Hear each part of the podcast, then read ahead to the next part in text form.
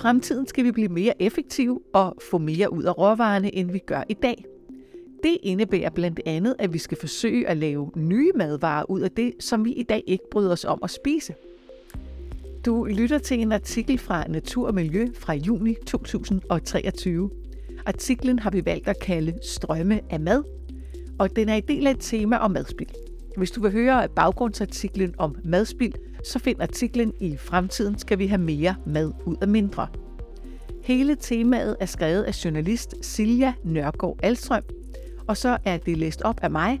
Jeg hedder Charlotte Tornhøj Dalstrøm, og jeg er chefredaktør her på Natur og Miljø. Og vi starter med at skrue tiden lidt ud i fremtiden. Det er år 2040. En stor tankvogn triller op ved siden af slagteriet og parkerer.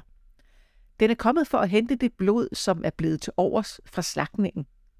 Da tanken er fyldt, sætter bilen kurs mod en nærliggende bioreaktor. Her skal medarbejderne bruge blodet til at producere kød. Det lyder måske som science fiction, men tag ikke fejl. For i en ikke så fjern fremtid vil vi muligvis kunne bruge blod fra slagterierne til at fremstille nye bøffer, som altså ikke er vokset frem på en dyrekrop. Det forsker Jette Fie Vejle Jong fra Aarhus Universitet i. Hun er leder af en forskergruppe, som blandt andet undersøger, hvordan man kan bruge blod fra slagterierne som byggesten til at lave kultiveret kød. Håbet er, at det kan blive muligt at udnytte blodet, et produkt, som jo altså lige nu bliver til overs, i fødevareproduktionen, og samtidig få flere bøffer ud af vores produktionsdyr, end vi gør i dag. Hun siger, på den måde undgår man at producere resten af dyret, altså tarme, lever og den slags. Du producerer kun den muskel, som har højst værdi for os. Samtidig undgår man noget af det vandforbrug og arealforbrug, som man typisk vil have over en hel levetid for et produktionsdyr, forklarer hun. Man kan lave kultiveret kød i en bioreaktor ved at tage en stamcelle fra et dyr og få den til at dele sig. Cellerne har dog brug for næring for at kunne formere sig og vokse. En del af forskningen i Jette Fevejle Jongs afdeling retter sig mod at lave plantebaseret næring til cellerne, men hun og hendes forskerteam forventer, at de vil kunne komme hurtigere i gang ved at bruge overskydende blod fra slagterierne, da cellerne er vant til at være i et miljø med blod, forklarer hun. Samtidig får forskerne også mulighed for at anvende et overskudsprodukt, også kaldet sidestrømme, til at producere mere mad. Det er et område, der forskes i mange steder i verden, og i Danmark har vi i dag en hel del blod til overs. Derfor tænker vi, at det er okay at bruge nogle sidestrømme fra slagterindustrien, så vi kan lave mere biomasse ud af det enkelte dyr, siger Jette Fevejl og uddyber. På den måde kan vi få mere ud af mindre. I dette tilfælde slipper vi ikke for dyret, men vi får brug for færre dyr. Målet er altså, at vi kan få flere produkter per dyreenhed. Hun forventer dog, at metoden med at bruge blod til at lave næring til muskelcellerne vil blive en tredje sten til, at det kultiverede kød senere vil blive overvejende plantebaseret, og at der vil komme flere måder at producere det på. Aarhus Universitet er ikke alene i jagten på nye metoder til at udnytte overskudsprodukter til madvarer.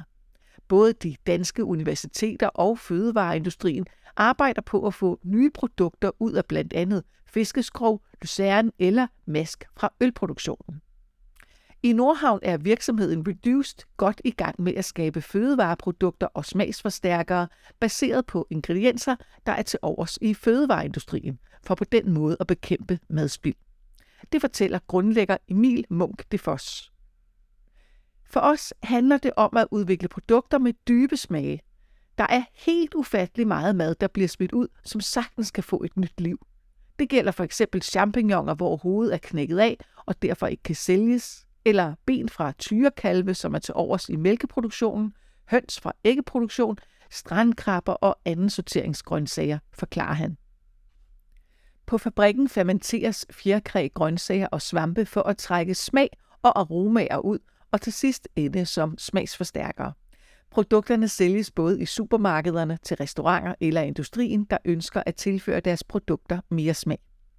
Reduced samarbejder med en række forskellige aktører, heriblandt Københavns Universitet, der hjælper med at udvikle de mest smagfulde løsninger. for det er ikke nødvendigvis let at upcycle fødevarer.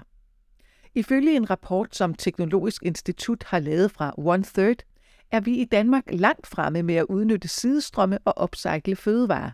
Rapporten er baseret på interviews med en række eksperter på området og på danske virksomheder, som arbejder med udnyttelse af sidestrømme, for eksempel Peter Larsen Kaffe og Gram Slot, som producerer økovarer til Rema 1000.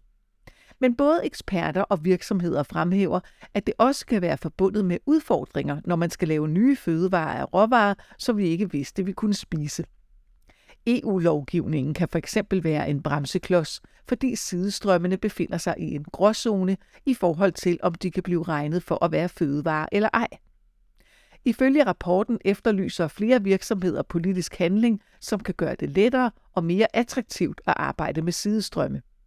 Ifølge Christine Nellermand, som er leder af DTU Fødevareinstituttet, hvor de også forsker i brug af sidestrømme, ville det give mening at sætte mere fart på de politiske processer, når det handler om den grønne omstilling.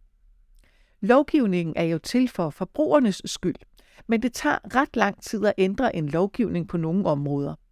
Inden for madspils- og bæredygtighedsområdet kunne vi godt tænke os, at det gik lidt hurtigere. Men det må selvfølgelig ikke koste på sundheden og fødevaresikkerheden, siger hun. Den bagvedliggende tanke om at udnytte sidestrømmene er, at vi skal genbruge mere inden for fødevareproduktionen og udnytte alt, der har potentiale til at blive til ny mad. På den måde vil vi måske komme et skridt nærmere på at løse et globalt problem. Verdens befolkning vokser, og derfor skal vi i fremtiden producere mere mad. Hvis vi fortsætter med at producere fødevarer, som vi plejer, vil det betyde et højere CO2-udslip, mere plads til landbrug og dermed mindre plads til natur. En del af løsningen kan derfor være, at vi lærer at få mere ud af vores råvarer ved at udnytte sidestrømmene. For eksempel ved at bruge overskydende blod til at lave nyt kød, uden at have flere produktionsdyr. På verdensplan regner man stadig med, at kødforbruget stiger. Men hvis man i det mindste bare kunne sige, at den stigning skulle et andet sted hen end antallet af konventionelle dyr, eller måske kunne nøjes med færre dyr, så vil det jo gøre en forskel. Det siger Jette Febejle Jong. Artiklen her var en del af et tema om madspild. Du kan finde flere andre artikler om det samme inde på hjemmesiden. Tak fordi du lyttede med.